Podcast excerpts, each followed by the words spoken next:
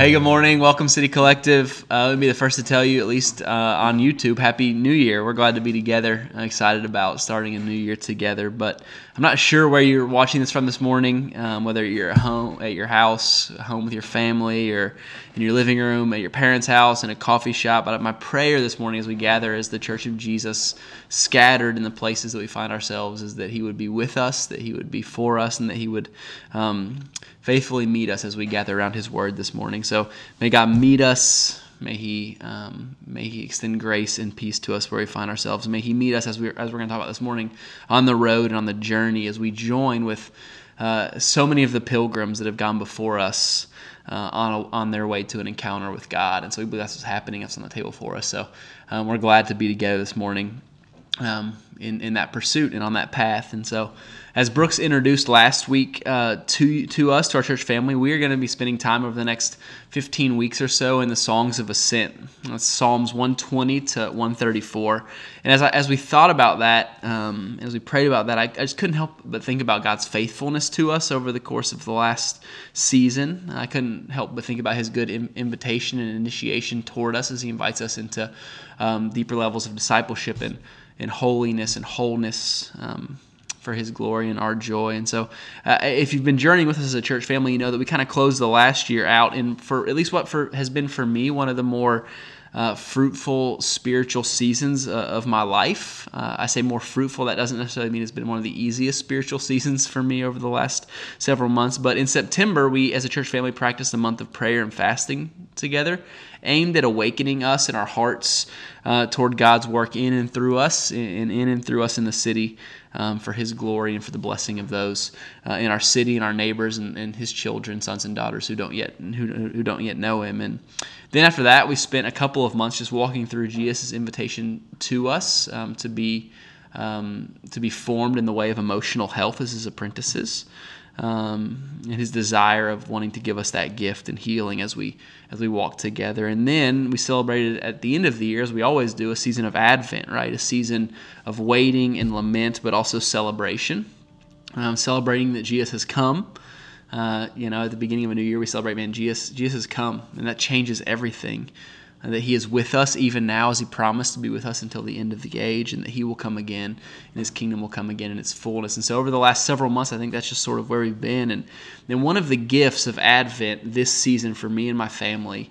Uh, as we just conclude that season of, of waiting and um, celebration with the, the birth of Jesus, the celebration of uh, Christmas on December 25th. Um, one of the gifts of, gifts of that season for me and my family this year was was the reminder that life with Jesus um, is a journey. And I think I've, I've always known that to be true, but I think this year in Advent, um, the Lord just really kind of drove that into our hearts that we are moving somewhere led by King Jesus, and that we are moving into all that God has for us. And not just us as individuals or a church family, but into the, the victory of God and into the coming fullness of the kingdom of God. And, and so I think that which awaits us in this next season, as Brooks so um, did such a great job, I thought, last week of just, or four minutes ago, if you're in the room or recording this, um, he did such a great job of, of inviting us, hey, like into the question of what comes next after the waiting, what comes next.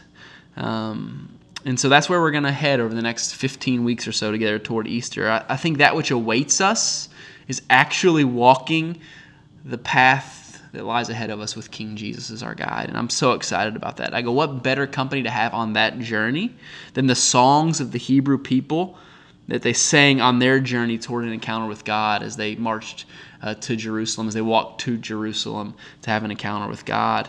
It was on that journey that they reminded themselves through song and through worship, through the songs that we will um, pray together over the next several months. They reminded themselves of who they were, of who it was they were going to worship. And it was through those songs that they stepped into the transformation and invitation that, that lay along the path that they were walking. And so we join with them. Um, you see, each of the Psalms uh, between Psalms 120 and, 1, and 134 leans in and names the reality of some aspect of God or or some aspect of us as God's uh, image bearers, or some reality about life with God. They are songs that are meant to remind us of who we are. They're meant to remind us of the story that we believe to be true. And they're songs that invite us into life and transformation that God has for us as we walk along the path with, with each other and with King Jesus leading us. Eugene Peterson, um, scholar, theologian, pastor, he says that the Psalms of the songs of ascent, Psalms 120 through 134, are songs of transition. I love that. Like I love understanding our lives as moments of transition between where we've started and where we're going on a, on a path together. He says they're songs of transition. He says they're brief hymns that provide courage, support, and inner direction for getting us to where God is leading us in Jesus Christ. I think the thing maybe I'm most excited about all of this this year is that there are 15, as I, as I mentioned, 15 weeks between January 1st and Easter this year. And so while we don't find ourselves in the context of physically walking to Jerusalem in the company of Hebrew pilgrims toward an encounter with God at the temple, we do find ourselves, I think, walking on a journey together toward the moment that we believe marks the culmination of all of human history and changes the trajectory of all things.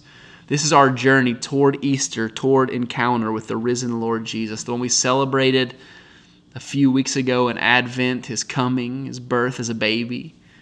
We now turn our eyes and fix our eyes towards the moment in which he would be victorious over sin and death, raised back to life by the power of the Holy Spirit. And we are on a journey from Advent to Easter. And I love that we walk with God along the road and one another.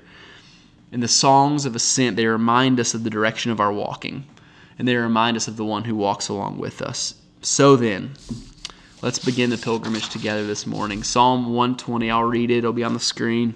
I encourage you um, as I read this just to, to allow this to become a prayer um, in your heart as we read it together. This is Psalm 120, the first psalm um, in the list of songs of ascent, starting in verse 1. I call on the Lord in my distress, and he answers me. Save me, Lord from lying lips and deceitful tongues. What will he do to you, and what more besides, you deceitful tongue? He will punish you with a warrior's sharp arrows, with burning coals of the broom brush. Woe to me that I dwell in Meshech, that I have that, that I live among the tents of Kedar. Too long have I lived among those who hate peace. The psalmist says, Too long, too long have I lived among those who hate peace. I am for peace, but when I speak, they are for war. And that's the first song that the Hebrew people would have sang as they walked towards Jerusalem. Our goal primarily in this is not to pick these Psalms apart for theological truths or interesting facts, but our goal as the people of God, formed by the very content of the prayers and songs that we're singing, is to pray them together and to make them part of our walk over this next season so that as we go, we might be reminded of the invitation that God is making toward us. And the first invitation represented by Psalm 120 that I think God is inviting us into is a practice of formation along the way is, as Eugene Peterson in his book Along, A Long Obedience in the Same Direction names as the invitation to repentance. The place that we begin the journey toward encounter with God is the place of repentance.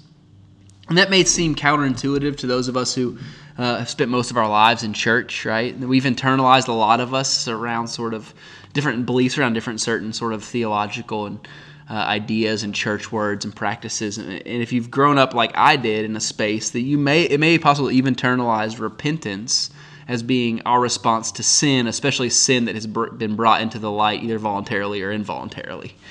And that's true, that, that there is something about that thing that happens of repenting, of turning away from our sins, that is part of the biblical picture of repentance that we get. But the bigger picture, and I think the one that Psalm 120 invites us into, is understanding repentance as a change of thinking that leads to a decisive change in direction in our lives. And that's what I think we see playing itself out in Psalm 120. You see, when we understand repentance in that way, the language of repentance fits perfectly with the start of a journey. A couple weeks ago, Kristen and I and my family, my boys, uh, as Maddox, we were on the way home from Cincinnati back to Chattanooga. My, my parents live in Cincinnati, and um, it's a trip I've made a dozen times. Um, uh, dozens of times, more than a dozen times, right? We were talking about something in the car and uh, I was distracted. And there's this really kind of silly point in the journey just outside of Cincinnati where three interstates come together and then merge and then sh- like divide in just the craziest nonsensical way. It makes no sense. Um, and so we're talking and I'm navigating the interchange. I think I've done, like I said, dozens of times and everything is fine. And about 25 minutes later, the boys are in the back talking watching some Netflix thing that we downloaded, and there that's happening. And Kristen and I are talking. We're talking about something like um, pretty important. I don't remember what it was, but it, it, had our attention like fully arrested. And and as we're talking, we pass a sign for a local high school a big sort of billboard on the side of the interstate. And I saw the sign, and I started telling Kristen a story about how I had played uh, at that high school when I was in, in, in, high school. I played a basketball game there, and how it was really interesting because I grew up in a place in Ohio that was really close to the border with Indiana, but we oftentimes didn't cross the state border. Those though those schools were closer to like our school and play them, we, we didn't really play them very often. So it was a rare thing for us to go to a different state and play a different school, um, and especially uh, schools in Indiana. And um, and then suddenly, as I'm telling the story about how I played basketball against a school in Indiana, it, it hit it hit me like all of a sudden that Indiana is in fact not on the way to Chattanooga from Cincinnati. Um, and then a second realization hit me uh, that there is nothing at all in Western Indiana, including exits on the highway that you can use to turn around. Um, if you're from Indiana, I'm sorry, that's just how it is. Um, there's just not a lot, and uh, and so we arrived literally in our in our car, uh, my two sons, my wife, and myself. We arrived at a moment of repentance. Um, we arrived at a realization that the path we were on wasn't the path we wanted to be on, and that we couldn't arrive at our destination if we kept going that way. Um, it was literally a moment of repentance. And then I realized that if I didn't want to drive another half an hour to find an exit to get off the interstate and turn around and come back, um, I wasn't going to make it home uh, in any sort of uh, time that, that would have been like anything but miserable, right? Like, I mean, it would add an hour to the trip. And so so I had to take a decisive action. This realization in my mind that we were going the wrong way, it led to a decisive action. And I pulled a U turn in the median in the middle of I 74 headed towards Indianapolis. And so what I guess is happening here is I'm admitting to a crime on camera. So please don't tell anyone um, at the Indiana Department of Highway, whatever. Um, but beyond that, I think the point stands that a moment of realization led me to a decisive moment of action. Um, and we changed the direction in which we were traveling so that we could get where we wanted to go. And that, I think, for me, is a picture of repentance as Psalm 120 invites us to see it and to understand it and to step into it, right?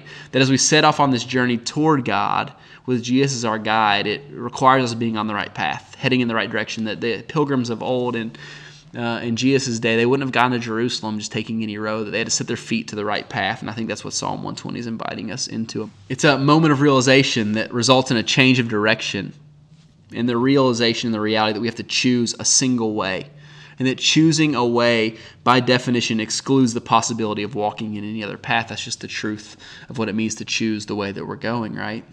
It is the place that we must begin, a place of choosing God and His way over all others to the exclusion of all others so that we might arrive at the place he's inviting us to go. And so, just a few things I want to name from this psalm uh, as we sit together. And then at the end of the video, we just want to create some space for you to use this psalm as a place um, from which we start the journey together. So we'll leave some time here at the end of the video for you to pray by yourself or with those who you find yourself um, surrounded this morning. But this is just a couple things I want to name from the psalm. So the psalmist begins in verse 1 I call on the Lord in my distress, and he answers me. Save me, Lord, from lying lips and from deceitful tongues. Eugene Peterson says that it is dissatisfaction coupled with a longing for peace and truth that set us on the pilgrim path toward wholeness in God. Hear that again. He says it is dissatisfaction coupled with a longing for peace and truth that set us on the path. And the psalmist says, I call on the Lord in my what? In my distress. And he answers me. Like there's something about the things that are happening in and around the psalmist that have driven him to the place of saying, God, like, I can't save me, Lord. And I think what the psalmist is doing is he's naming for us as we begin the journey that any way of life that promises peace and wholeness and satisfaction outside of life with God at its core is a lie. And the truth this morning as we as we step into a season of resolutions and new year, new you, and all of the things we want to try, and all of the paths that are being given to us and hold, held out before us to say, here is satisfaction, here is life, here is blessing, here is fulfillment. All of it at its core, if it's life outside of God, it's a lie. And the powerful, the most powerful lies, we have to see this this morning, the most powerful lies are the ones that contain just enough truth to seem believable and to seem right. But it's the dissatisfaction that comes with walking those paths, the distractions of life that, that, that we have set our feet on, and the distress that comes in our lives by walking in those paths for a season. Maybe it's been a long one for you, maybe a short one, I don't know. Maybe it's one that you're just beginning to walk and hoping to find fulfillment and promise in, in life and whatever on. It is the dissatisfaction there, the distractions and the distress that are exposed that we find out that can't fulfill, that can't deliver on the promises that they're making to us. It is in realizing that that leads us to a moment of repentance that has the power to set us on the path toward God. You see, it's a moment of repentance in which we become aware that we're going a direction that we don't want to be headed in that it doesn't lead where we thought it would lead. And isn't that moment that we must make a decision to set out on a pilgrimage toward God in another altogether different direction? You see, the truth of the psalm is that it's the holy discontent in our, in our hearts, the longing, the distress, the realization of the lies that we believed about life. Only there is the power found to set us off in the right direction by the power of God's Holy Spirit at work among us. But we must choose it. It's possible to name the path, to see the path, and to not choose to set out on it. And the psalmist says we must, we must set our feet to the path, we must choose it. And then the psalm continues in verse 5. The psalmist says, Woe to me that I dwell in Meshech, that I live among the tents of Kedar. Too long have I lived among those who hate peace. And this is just, I think, as clear as it can be a moment of realization.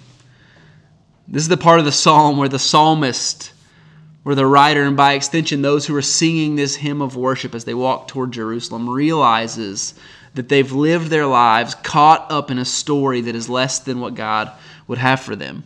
It's a moment of coming awake that leads to repentance. It's a moment of saying no to that way of living that becomes then a yes to what God is inviting them into. You see, Meshech and Kedar are places for the Hebrew people that would have represented the strange and the hostile. Meshech was a people group that lived thousands of miles from Jerusalem.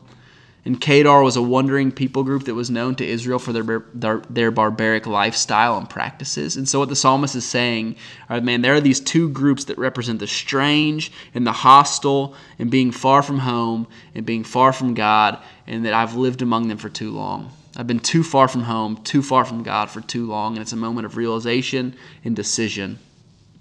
And that is how the first psalm ends. Like, it's a song of beginnings, not of endings, right? It's a psalm that we sing as we set out on the journey because it recognizes the way we were going, the life we were living, that they were not what we wanted, they were not what God had for us. And now we are making a decision to put our feet on the path toward God with Jesus into transformation and life that awaits us along the road.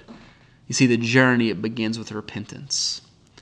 And that is a repentance that Eugene Peterson defines in this way.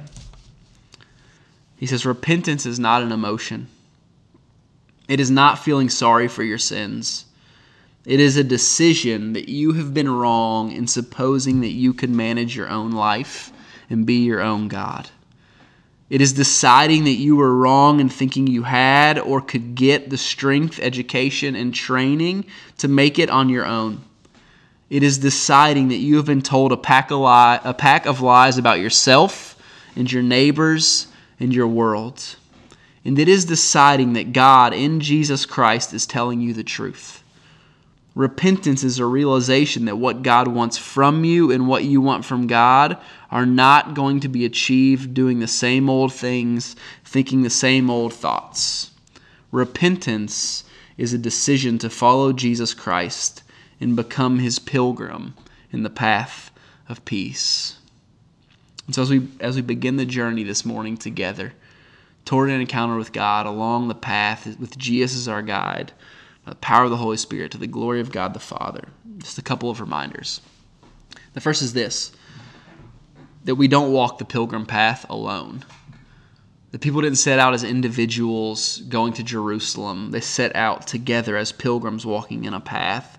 And the reminder for us this morning on this side of the Advent, looking forward to the moment in the celebration of Easter, the life, the death, the life again of Jesus, the reminder for us is that Jesus leads us along the path and that we walk in the company of others who are walking toward the same end and in the same way, toward the same direction. This is the first thing. We don't walk alone. You don't walk alone this morning, though. You may be watching this video alone. There's a group of people who love you and who want to walk with you and who want to experience the transformation of Jesus on the road um, by your side. And the second reminder is this that repentance is the place from which we begin. That saying no to all other paths and ways of living, making the decision to walk the path ahead that leads to the place of encounter with God, is the place from which we begin. And so this morning, I'm not saying New Year's resolutions are bad. I'm, not here to. I'm not. I'm not trying to be that guy. But what I am trying to say is that there are some stories this morning that we are going to be inclined to believe the world is going to hold out and say, here's where life and satisfaction and goodness and beauty are found. And I would go, the invitation of Jesus is to say, those things are only found, ultimately found, in the way of Jesus in the presence of God's Son, by the power of God's Holy Spirit, to the glory of the Father. So this morning we begin by repenting and saying, like, we choose your way, Jesus. And we choose to walk it together for your glory so that we might encounter life with you along the way. And we walk that path singing as the Hebrew pilgrims did of all that God is doing, all that He has done, all that He wants to do, and all that He's inviting us into. And so this morning, as we begin the journey toward Easter, 15 weeks or so from now, may we begin with a decision. May this be a moment of repentance for us, January 2nd, 2022. It sounds weird to say, but may it mark a moment of repentance, a moment of decision for us in which we change our thinking so that we might change our living, so that we might follow Jesus along the path. May we say no to the world this morning so that we, so that we may say yes to God that's the invitation I think that's for us in this in this new year and this new season as we walk toward an encounter with God together as a church family. So we're going to end this morning by praying Psalm 120 together. I'm going to put it on the screen. I'll just encourage you if you're with people, read it out loud. If you're by yourself, read and meditate. Um, and ask yourself, what are the places that you believe stories uh, that God is just inviting you to repent of? Not in a shameful way or a bad way, but just saying like I, I, I'm not going the right, I'm not going the direction I want to go. Like Jesus, help me to change directions. Help me to follow you into all that you have for me. So I just encourage you. We're going to put it on the screen, Psalm 120. Pray it together. Um, pray it by yourself. Allow it to shape your walking today and every day as we begin this journey together. We're excited. So we'll create some space now for, for you to do that. Um, and then we just want to remind you that we'll be together next week at the Signal um, for in person worship, 10 o'clock. Uh, January 9th. Um, we'll see you there. So I hope this has been a good season, and I'm excited to be on the path with you um, toward Jesus, toward transformation, uh, toward an encounter with God um, for His glory and our joy along the way. We love you. Enjoy Psalm 120 together uh, this morning, and we'll see you soon.